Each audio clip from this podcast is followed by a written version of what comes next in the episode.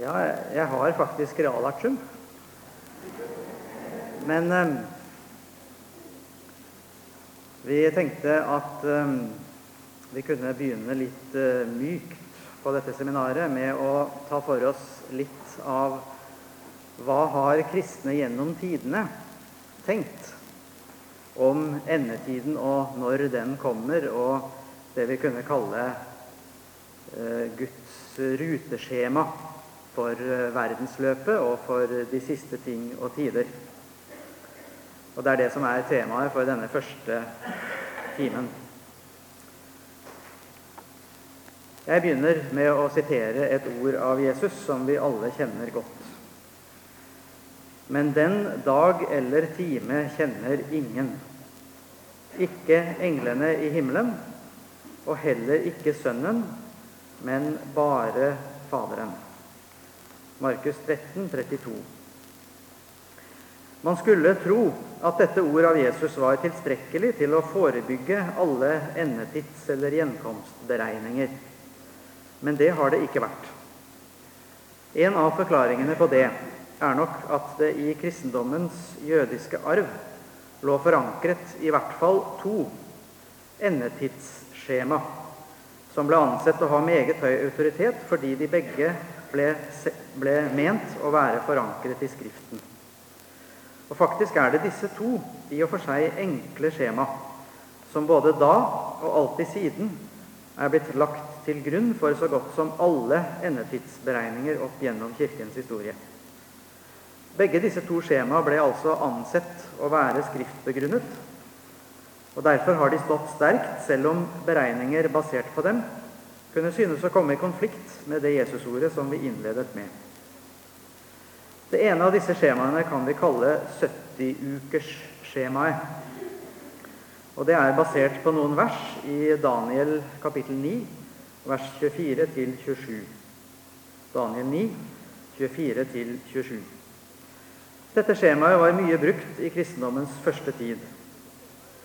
Så ble det lagt til side i mesteparten av kirkens historie men tatt frem igjen av en litt eksentrisk abbed i høymiddelalderen, Joakim av Fiore het han, for så å bli hovednøkkelen til hele den eschatologiske kronologi hos John Nelson Darby, som selv tilhørte Plymouth Brethren i England. Og fra ham ble det overtatt av den såkalte dispensasjonalismen i USA. Og i den er det fortsatt eh, gyldig. Det andre skjemaet bygger på skapelsesberetningen i Første Mosebok 1 og kan kalles verdensukeskjemaet. Grunntanken er at verden skal bestå i seks dager av 1000 år. I overensstemmelse med Salme 90, vers 4 og 2. Peter 3,8, der det står at i Herrens øyne er én dag som 1000 år. Eller 1000 år som én dag. Og etter disse 6000 år, som verden da tenkes å bestå, så følger en tusenårig sabbat som den syvende dag. Og den åttende dag vil da svare til det evige liv etter denne tusenårige sabbat, og vil være dagen uten ende. Dette verdensukeskjemaet var også kjent og brukt i den tidlige oldkirke og fikk økt betydning i tidlig middelalder, da man mente å nærme seg verdens siste dag, den siste dag i år 6000 etter skapelsen, skulle jo da bli verdens siste dag. I den engelskspråklige verden har dette skjemaet holdt seg godt til denne dag, noe som bl.a. skyldes at det er nevnt i en fotnote til King James Bible en fotnote til skapelsesberetningen. Og i kraft av den fotnoten på et så autoritativt sted som i King James Bible, så har dette skjemaet vært innflytelsesrikt innenfor den engelskspråklige kristenhet helt opp til vår tid. I vår egen sammenheng er det nesten glemt. Jeg skal se litt nærmere på historien til og bruken av disse to endetidsskjemaene. Og Da vil jeg først bare minne dere om hvordan den lyder, denne teksten i Daniel 9. Daniel 9 fra vers 24 til 27. Der står det 70 uker er fastsatt for ditt folk og den hellige by, til ondskapen har nådd sitt mål og synden tar slutt. Da blir skylden strøket ut. Det kommer en evig rettferd. Profetenes syner blir stadfestet, og det aller helligste blir salvet. Det er en slags innledende sammenfatning. Og så sies det samme en gang til, litt mer utførlig. Du skal vite og forstå, fra den tid ordet gikk ut, at folket fra Jerusalem skulle føres tilbake, og byen bygges opp igjen, og til det kommer en som er salvet, en fyrste, skal det gå sju uker. I 62 uker skal byen være gjenreist og bygd opp igjen med gater og vollgraver, men tidene skal være harde. Etter disse 62 ukene skal den salvede ryddes av veien og ikke mer være til. Byen og helligdommen skal ødelegges av hæren til en fyrste som kommer. Han skal ende sine dager i en flom. Ødeleggelsen som er fastsatt, skal vare til krigen er slutt. Én uke, og det virker som det er den siste, uke nummer 70, én uke gjør han fakten tung for mange. Midt i uken gjør han ende på slaktoffer og grødeoffer. På styggedommens vinger kommer det en som herjer, helt til ødeleggelsen som er fastsatt, strømmer ned over ødeleggeren selv. Slik lyder teksten i Bibelselskapets oversettelse. Denne teksten presenterer seg som en forklaring engelen Gabriel ga Daniel på et bestemt profetord hos Jeremia, nemlig i Jeremia 25, 11 følgende og 29, 10. Der heter det at Jerusalem skal ligge i ruiner i 70 år. Daniel merker seg dette og spør Gud hvordan dette skal tolkes. Det er i vers 2 og 3 i Daniel 9. Som svar på bønnen kommer engelen Gabriel til ham i et syn og gir ham den forklaring vi nettopp har sitert. De 70 år hos profeten er å forstå som 70 åruker, dvs. Si perioder på sju år. Jeremia talte altså om 70 ganger 7 år, eller med andre ord 490 år. Og disse inndeles i tre perioder Eh, viktigste, det viktigste utsagnet kommer, som vi ser, om den siste uken, uke nummer 70, som deles i to. Midt i uken, altså etter tre og et halvt år, skjer det noe spesielt. Jeg skal ikke her og nå foregripe det som jeg kommer mer tilbake til i morgen. Eh, hva sikter denne teksten til? Men eh, la meg allerede nå peke på at i denne teksten så er tre og et halvt år Tre og et halvt år, den halve siste uken. Tre og et halvt år. Det er betegnelsen for en intens forfølgelsesperiode, en intens trengselsperiode. Da Guds folk forfølges hardt, og da den ødeleggende styggedom, den ødeleggende styggedom, vi skal komme mer tilbake til det også i morgen, står på det hellige sted, står der den ikke skulle stå. Um, og Hvis dere nå uh, kaster et blikk på disse kopiene som gikk rundt, så har jeg på den første siden der til venstre listet opp noen steder i Bibelen der disse tre og et halvt år kommer igjen. Og tre og et halvt år det kan man si på forskjellige måter. Uh, man kan si det som én uh, tid, to tider og en halv tid. Én tid, to tider og en halv tid. Det blir tre og en halv. Man kan si det som 42 eh, måneder. Og man kan si det som 1260, eh, eventuelt 1290 dager. Så det er den samme tidskode, det er det samme tidsspann det er snakk om. Og dere ser i alle disse gammel- og nytestamentlige tekster at det er en kort, men intens trengselstid og forfølgelsestid der det står på hellig sted, som ikke skulle stått der, ehm, der det hele tiden er tolkningsnøkkelen til betydningen av dette tidsrom. Eh, slik sett er denne teksten hos Daniel, og spesielt denne siste åruken med denne trengselsperioden i, i den halve uke, et eh, ganske viktig motiv i Det nye testamentet. Det er flere ting som tyder på at dette skjema, dette 70-ukers skjema og denne siste 70. uken også var viktig for en del jøder i forbindelse med den store jødiske krig i 66-70 etter Kristus. Den første store jødiske krig da de gjorde oppstand mot romerne og til å begynne med var i stand til å befri Jerusalem og kaste romerne ut. Slik at det første var i år 70 at romerne klarte å gjenerobre Jerusalem og dermed på nytt vinne herredømme over Israels land. I tiden fram mot eh, oppstanden, som altså begynte noen år før, i 66, er det åpenbart at flere blant jødene har tenkt at nå, og først nå, begynte den siste trengselsuken som Daniel hadde talt om. Den jødiske historikeren Josefus, som senere skrev historien om den store jødiske krig, forteller at da romerne i noen tid hadde beleiret Jerusalem, og etter hvert trengte inn i byen og nærmet seg tempelet, da samlet 6000 jøder seg i tempelet.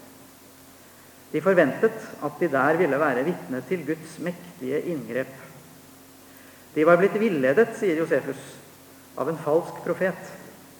Men også noen av deres lærde menn var blitt ført vill av, og så siterer jeg Josefus, et tvetydig profetord i deres hellige skrifter, som de tolket slik at den jødiske Messias skulle overta verdensherredømmet umiddelbart etter den store trengsel for folket.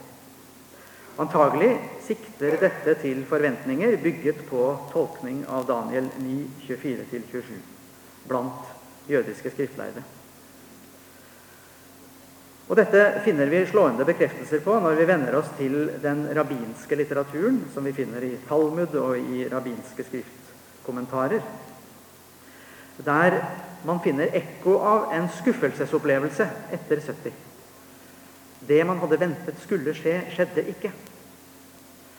Og Flere rabbinere eh, drøfter spørsmålet hvorfor ikke. Hva var det som var feil? Hva var det som gikk galt? Noen mener at beregningen var feil, at tolkningen av teksten var feil. Men andre mener åpenbart at eh, nei, tolkningen av teksten var ikke feil. Når Messias og det messianske riket likevel ikke kom, så skyldtes det Israels synd, som gjorde dem uskikket til å ta imot den lovede Messias og den lovede frelse. Og Det er jo spennende å overveie var det kanskje også noen kristne som tenkte på samme måte i de dramatiske årene den jødiske oppstanden varte. Det mangler vi vel entydig kildemateriale til å svare på. Og det svar som man kan øyne i kildene, spriker litt, syns jeg. Um, noen kristne har nok ment at uh, denne jødiske oppstanden var så forfeilet at de snarere innrettet seg med tanke på hvordan det skulle bli etterpå, og Evsebius forteller at urmenigheten i Jerusalem eh, de flyktet til Pella før oppstanden var kommet skikkelig i gang. Eh, hvilket kan tyde på at de innrettet seg på en fremtid etter oppstanden. Andre kan ha blitt revet med av den stemning som nok var utbredt blant jødene. At nå går vi endetiden i møte. Og oppstanden i seg selv har nok av mange blitt tolket i et slikt perspektiv. Um,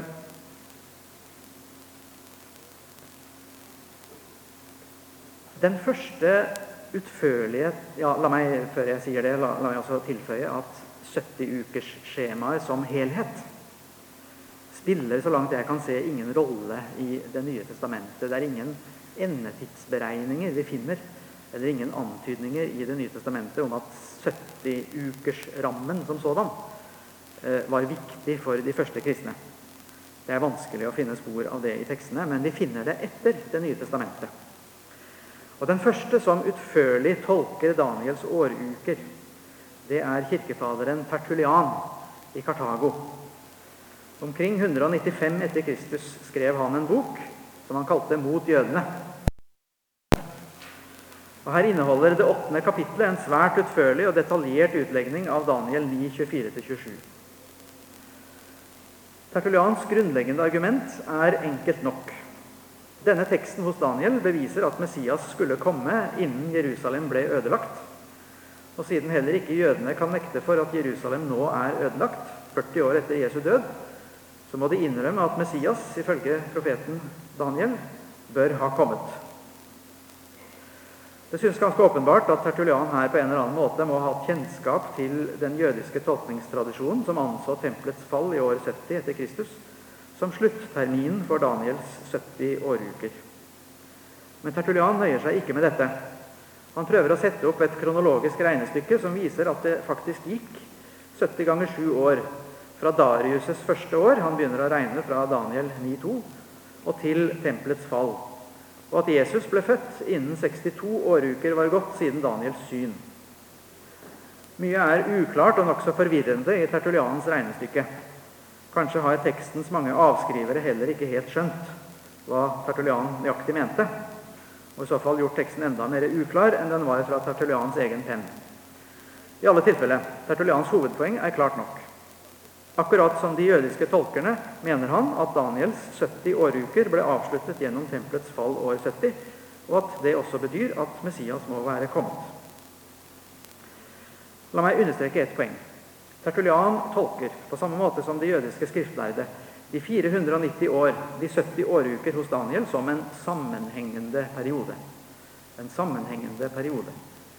De henger sammen hele tiden. Det er ikke noe hull, det er ikke noe glippe eh, i disse 70 åruker.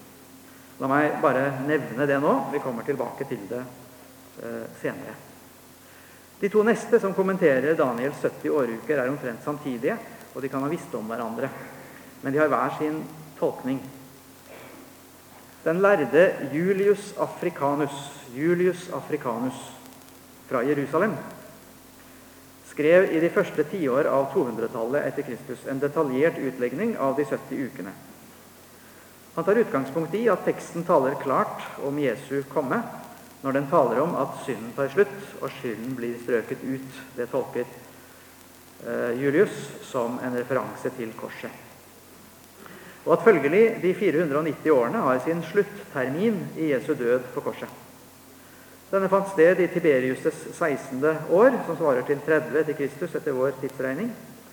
Begynnelsesterminen for de 490 år må søkes i kong Artaserkses' tillatelse til Nehemja. Dra tilbake til Jerusalem og bygge opp muren. Nå er jeg på, i høyre spalten på den første siden i kopiene. Nederst der så finner dere Julius Africanus' kronologi og skjema over disse 70 uker. Afrikanus mener altså at um, kong Artaserkses' tillatelse til Nehemja, dra tilbake til Jerusalem og bygge opp muren, ble gitt i 445 før Kristus. Igjen omregnet til vår tidsregning. Nå gir det en sum på bare 475 år. Men her viser Julius sin eh, lærdom og sin skarpsindighet når det i Daniel 9 heter at Herren vil forkorte de 70 årukene, så må det bety at Gud mente år av tolv månemåneder. Litt kortere år. Og Hvis man da regner ut hva 490 måneår blir, så blir det omregnet til solår 475. Så det går fint opp. Som hos Tertulian er de 490 år hos Afrikanus en sammenhengende periode. Og den munner ut i Jesu frelsesverk, hans kors og oppstandelse, og er mye klarere gjennomført og fremstilt enn hos Tertulian. Denne Julius Africanus' tolkning av de 70 årukene skulle komme til å bli meget innflytelsesrik i den latinske kirke, fordi den store bibeltolkeren Hieronymus innarbeidet denne tolkningen i sin Daniel-kommentar som var middelalderens og senere en av de mest leste Daniel-kommentarer. Så gjennom den formidlingskanalen ble dette skjema, denne tolkning av årukene hos Daniel, langt på vei den dominerende. Men omtrent samtidig med Julius, kanskje et tiår tidligere, skrev Hippolytt, Hippolytt i Roma en hel kommentar til Daniels bok. Og Da blir det jo spennende å se når han kommer til Daniel 9. Og han går en annen vei enn Julius Africanus. Han skjærer den 70. åruke, den siste åruke hos Daniel, løs fra de 69 foregående, og regner med at denne siste åruken ennå er fremtid. mens de 69 første ble avsluttet med Jesu første komme. De sju første årukene hos Daniel refererer til det babylonske eksil, sier Hippolytt. De 62 neste, 434 år, svarer til tiden fra det annet tempel ble bygget, og til Jesu fødsel. Men den 70. uken er ennå i sin helhet fremtid. Og Denne oppfatningen skyldes at Hippolytt identifiserer begivenhetene i Daniel 9,27 med det som fortelles i Johans åpenbaring kapittel 11, fra vers 1 og utover. Der heter det at i den første halvdel av uken skal Elia og Enok komme som profeter og forkynnere. I den andre halvdel skal den ødeleggende styggedom, antikristen, forfølge Guds folk på det frykteligste. Ved ukens slutt kommer Kristus som dommeren og seierherren og binder Satan og oppretter det tusenårige riket. Når den 70. uke hos Daniel på denne måten opptrer isolert og løsrevet fra de 69 foregående, da gir 70-ukers skjemaet ingen nøkkel til å beregne når den siste åruken og dermed Herrens gjenkomst vil inntreffe. For da har man åpnet et udefinert, uberegnet rom mellom 69. og 70. uke. Derfor må Hippolytt gripe til et annet tidsskjema for å bestemme gjenkomstens termin. Og vi skal se litt på hvordan han gjør det. Men la meg først nevne at denne Hippolytts tolkning er det på sett og vis som kommer tilbake og fornyes i, hos John Nelson Darby og i den amerikanske dispensasjonalismen. Der kommer den tolkningen tilbake. Og pioneren for den er altså Hippolytt i Oldkirken.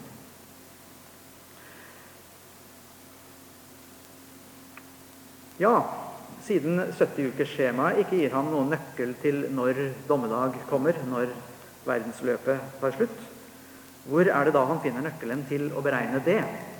Jo, det er i verdensukeskjemaet. Det skjemaet som sier at verden skal bestå i seks dager av 1000 år.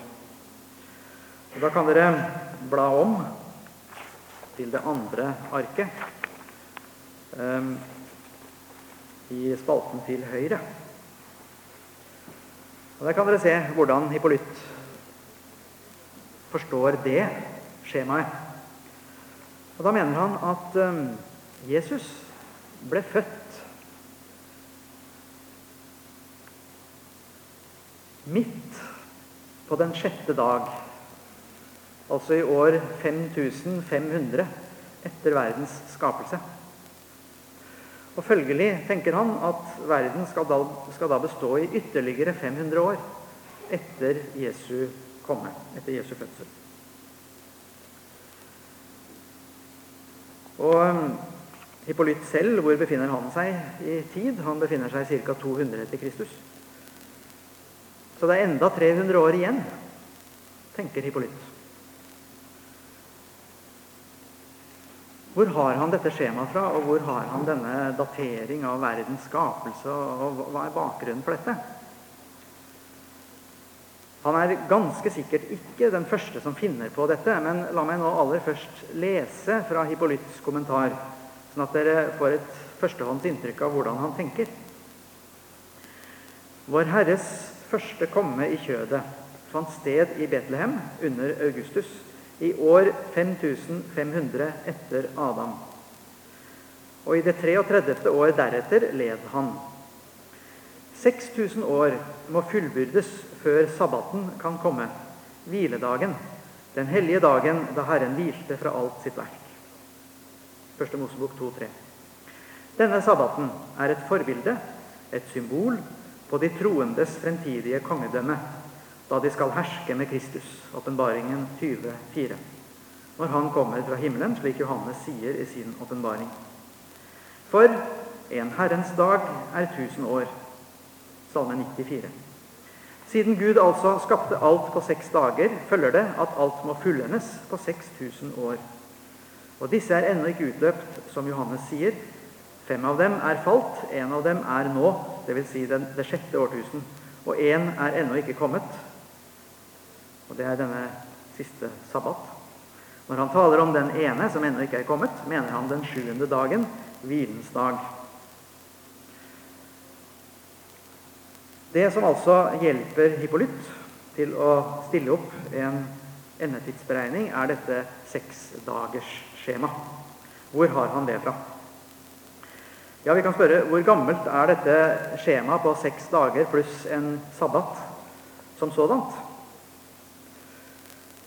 Den første kristne forekomst av hele skjemaet er påfallende lik Hypolytt, men finnes hos en langt eldre forfatter, nemlig i Barnabas-brevet, som nokså sikkert kan dateres til ca. 130 etter Kristus. Da er vi like etter nytestamentlig tid. I Barnabas-brevet tales det om at verden skal bestå i 6000 år, og så kommer en tusenårig sabbat deretter. Men eh, hos Barnabas finner vi ikke noe forsøk på å plassere hvor han selv befinner seg, eller hvor Jesu fødsel befinner seg innenfor rammen av dette skjemaet. Han bare nevner det. Eh, men han plasserer ikke seg selv, og plasserer ikke Jesu komme innenfor rammen av skjemaet. Følgelig har han heller ingen endetidsberegning ut fra det. Mellom Barnabas og Hippolyt finner vi biskop Ireneus, som i 177 etter Kristus ble biskop i Lyon i det sørlige Frankrike. Omkring 185 skriver han sitt store verk i fem bind, 'Mot kjetterne'. Og Her skriver han at Guds skapelse av verden på seks dager var en profeti om verdens varighet.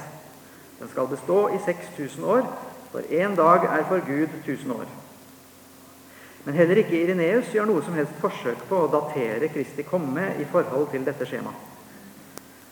Noe slikt ville antagelig være ham nokså fjernt, for Ireneus venter gjenkomsten og fullendelsen som noe som kommer snart, og som han ikke er interessert i å beregne. Og det er vel også situasjonen i Barnabas brevet. La oss spørre etter den jødiske bakgrunnen for dette. Prinsippet om at én dag i skapelsesberetningen kan bety 1000 år, kan vi spore helt tilbake til et jødisk skrift fra ca. 150-140 før Kristus, og som heter Jubileerboken. Og Der eh, bruker man bl.a. Eh, denne ligningen at en dag er lik 1000 år, til å forklare et lite trekk i syndefallsberetningen som antagelig ingen av oss har hatt veldig store problemer med. Gud sier til Adam at på den dag du spiser av treet, skal du dø. Og Nå døde jo ikke Adam samme dag. Og Det har antagelig ingen av dere tenkt på som noe stort problem, men for de gamle skriftlærde var det et problem. Alt som står i Skriften, må være sant. Alt Gud sier, er jo sant. Altså må Adam ha dødd på den dag han spiste av treet. Ja, men han ble jo over 900 år. Ja, han døde på en av Det var en av sine dager Herren snakket om. Han snakket om en sånn dag som er 1000 år. Så derfor døde faktisk Adam på den dag han spiste av treet. Han ble litt over 900 år, men så døde han. Altså på den første dag. Ehm, dette resonnementet gis gyldighet for alle seks skapelsesdagene ehm, etter hvert. Og I slutten av det første århundret etter Kristus da finner vi klare jødiske belegg for at denne tanke er ferdig utviklet. Verden skal bestå i 6000 år, og så kommer en tusenårig sabbat. Ja, eh, da må vi se på en tabell til. Og Den finner dere på det siste arket. Det blir jo interessant da, når man tenker sånn Hvor langt er vi kommet? Hvor gammel er verden? Og som dere ser, Rabbinerne mente at um, omregnet til vår tidsregning så ble verden skapt i år 3760 før Kristus. 3760 før Kristus. Eller før vår tidsregning, som jødene foretrekker å si. Og hvor lenge vil den bestå da? Ja, etter vår tidsregning så vil den da bestå til 2240. Eh, de av dere som har eh, jødisk kristen kulturkalender, vil jo kunne følge godt med på dette, for der står de jødiske årene anført. De regnes jo fortsatt slik. Og hva er det vi er i nå, Rolf Gunnar? Er vi i 5760? 5760 etter verdens skapelse, så nå begynner verden å bli gammel. Ehm, dette jødiske skjemaet ehm, var for lengst veletablert da jødene passerte år 240 etter vår tidsregning. Og Da er vi jo i nærheten av disse to kirkefedrene, Julius Africanus og Hippolyt. 240 etter Kristus. Og hva var viktig med det året? Fra jødisk synspunkt? Jo, de finner en interessant tekst i Talmud. Der står det I Elias' lærehus ble det sagt Verden vil bestå i 6000 år. Først 2000 øde år. Tohu wabohu. Det var øde og tomt, står det i første Mosebok 1-2. Først 2000 kaosår. Og det betyr tydeligvis 2000 år uten loven.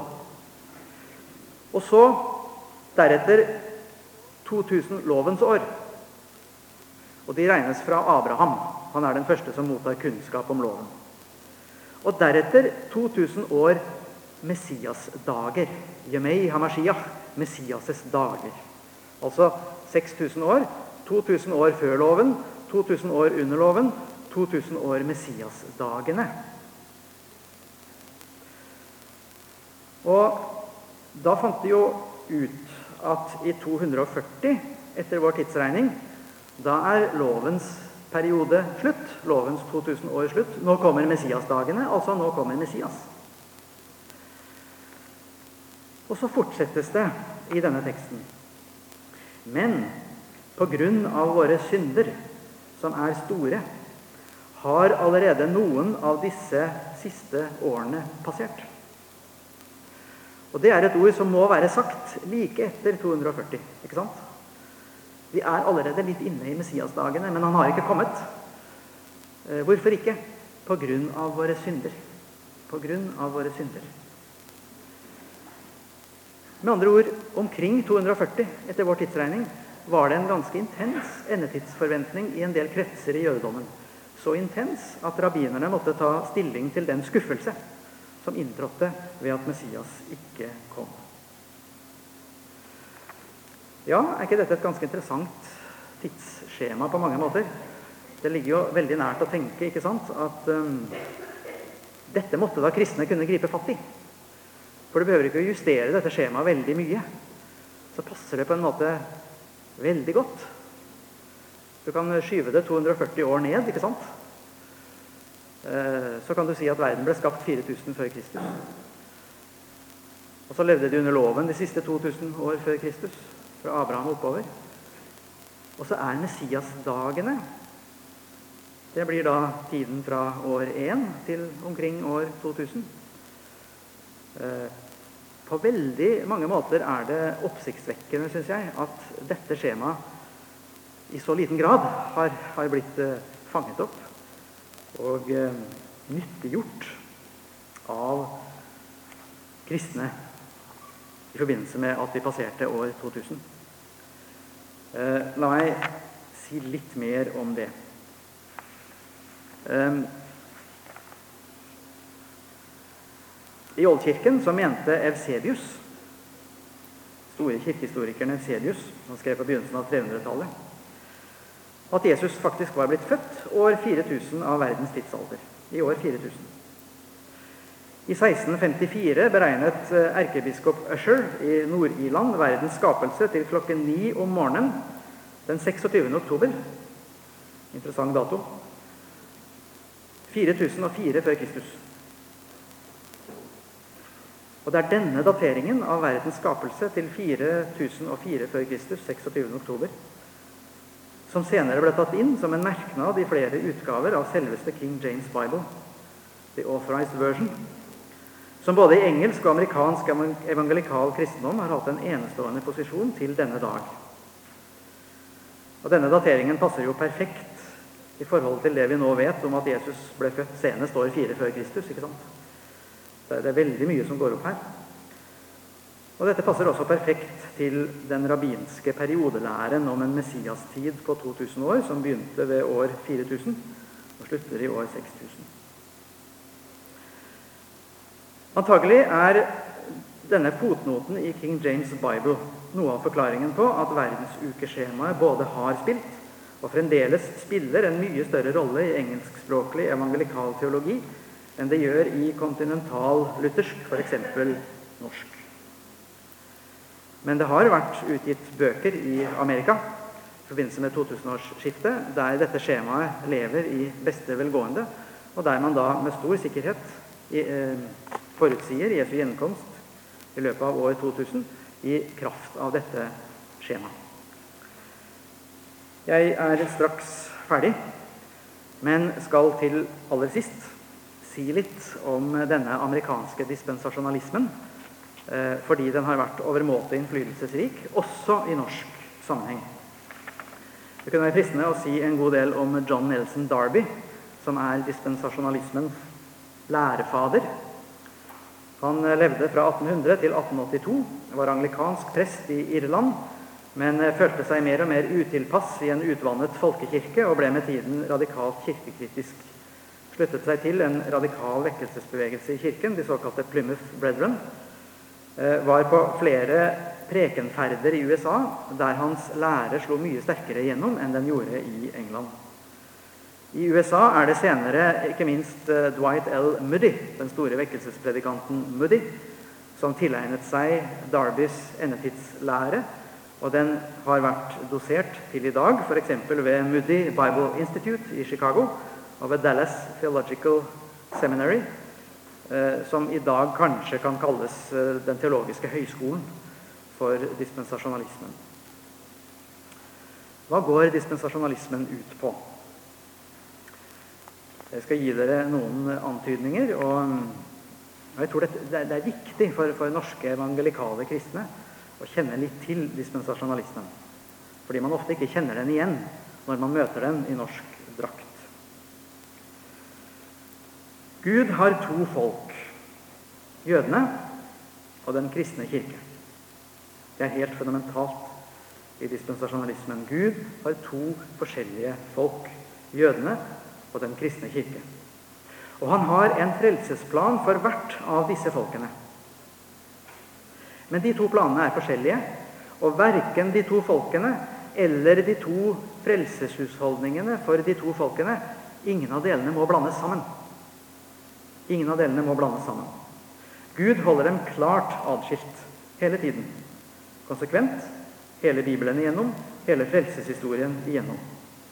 Den første frelseshusholdningen, eller plan og dispensation, det er frelseshusholdning.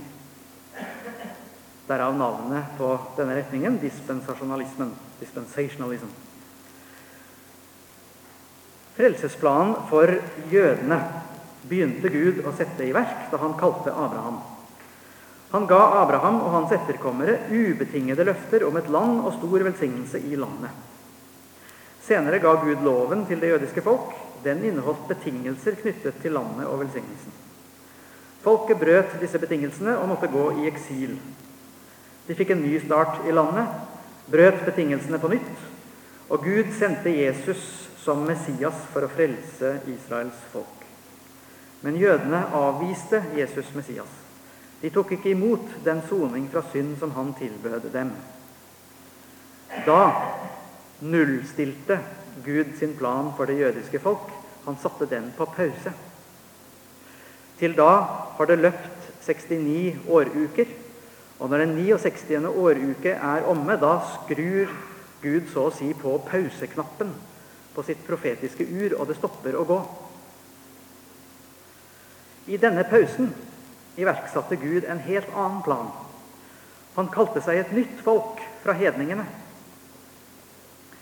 Til forskjell fra jødene, som er et jordisk folk med jordiske frelsesløfter, skulle dette nye folket av hedningene være et åndelig folk. Deres hjem er i himmelen. Og frelsen som gis dem, er åndelig. Profetenes løfter i Det gamle testamentet gjelder kun jødene og er jordiske. Om Kirken og dens åndelige velsignelser hadde profetene intet å si. Kirken og frelseshusholdningen for Kirken visste profetene ingenting om.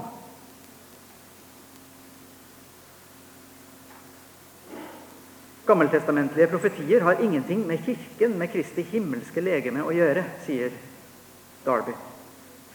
Når Kirkens tid går mot slutten, vil Kristus komme usynlig og hente den sanne kirke til seg, til himmelen. Og dette kalles opprykkelsen, the rapture. Og Hvis dere kommer til evangelikale i kristne i Amerika og ikke vet hva the rapture er for noe, blir dere betraktet som teologiske analfabeter. Eh, det kan jeg love dere. Dette må man vite hvis man skal være noenlunde informert innenfor amerikansk evangelikal teologi. Dette kalles altså opprykkelsen og var et svært viktig punkt for eh, Darby selv. Dette understreker nemlig Kirkens åndelige karakter. Dens frelse består i å bli hentet til himmelen, bort fra jorden. Derfor er også Kristi komme for å hente de troende usynlig for alle andre. Det er et åndelig komme som ingen andre ser. De bare merker at plutselig så er en hel del mennesker borte.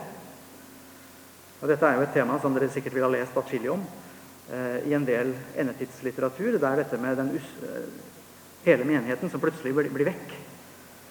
Eh, ofte er et yndlingstema. Dermed så er Guds husholdning for Kirken fullført, og han kan på nytt vende sin oppmerksomhet mot Israel, det jødiske folk. Han tar fingeren bort fra pauseknappen, og det profetiske ur begynner å gå igjen. Og nå kommer den 70. uke, som altså er etter the rapture.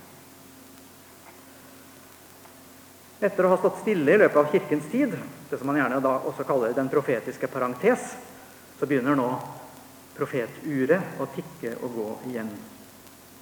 Det som nå skjer, er at den 70. åruke i Daniel 9 utspiller seg. Jødene samler seg i landet og slutter først pakt med antikristen. Men midt i uken, etter tre og et halvt år, avslører han sitt sanne vesen, og de siste tre og et halvt år blir en trengselstid som aldri før har vært på jorden. Den sanne rest av Israel, de 144 000 utvalgte, trer nå synlig fram som det forfulgte gudsfolk. Ved ukens slutt kommer Kristus til jorden, denne gang synlig og med stor makt. Han knuser antikristen og alle Guds fiender i det store slaget ved Harmageddon. Deretter opprettes Guds kongedømme ved Kristus som Davids sønn. Han hersker i et nybygget Jerusalem, Esekiel 40-48. Jødene er hans folk og lyder ham. De opplever all den jordiske velsignelse som profetene lovet. Til og med i dyreverdenen skjer konkret det som profetene sa. De andre folk på jorden strømmer nå til Jerusalem for å få del i Israels velsignelse, slik profetene talte om, Jesaja 2 og flere. Slik blir Guds ubetingede løfter til Abraham til slutt oppfylt. Men dette tusenårige riket varer ikke evig. Det varer tusen år. Deretter løses Satan for en kort stund, men kastes så i ildsjøen. Alle mennesker som er døde på dette tidspunkt, og som ikke fikk del i opprykkelsen før trengslene før tusenårsriket, de oppvekkes nå til den endelige dom. Deretter følger det evige liv. Og Her virker det som skille mellom jødene og kirken og det og jordisk og åndelig omsider oppheves, men først etter det tusenårige riket. Kristus overgir riket til Faderen, og Gud blir alt i alle. På mange måter, hvis dere spør meg, et fascinerende system. Det er en konsekvens og en enkelhet i dette totalsyn på Skriften og frelseshistorien som ikke kan annet enn imponere. Den enkle grunntanke er det store og konsekvente skillet mellom Israel og Kirken. To forskjellige frelsesplaner, to folk, to epoker. Som ikke overlapper. Dispensasjonalistene har tilegnet seg det lutherske uttrykk at det gjelder å dele Guds ord rett. For lutheranere betyr det å dele rett mellom lov og evangelium. Men for dispensasjonalister betyr det å dele rett mellom det som gjelder Israel, og det som gjelder Kirken. Kan du det, da deler du Guds ord rett. Det er den store nøkkel som åpner Skriften. Jeg skal ikke si veldig mye i dag nå eh, hva jeg tenker om dette. Eh, det vil neppe overraske dere at eh, samtidig som jeg syns eh, dette syn på Skriften er fascinerende, og på mange måter besnærende ved sin konsekvens og enkelhet, så innebærer det konsekvenser som for meg blir aldeles umulige. Aldeles umulige. Frelsesløftene i Det gamle testamentet har ingenting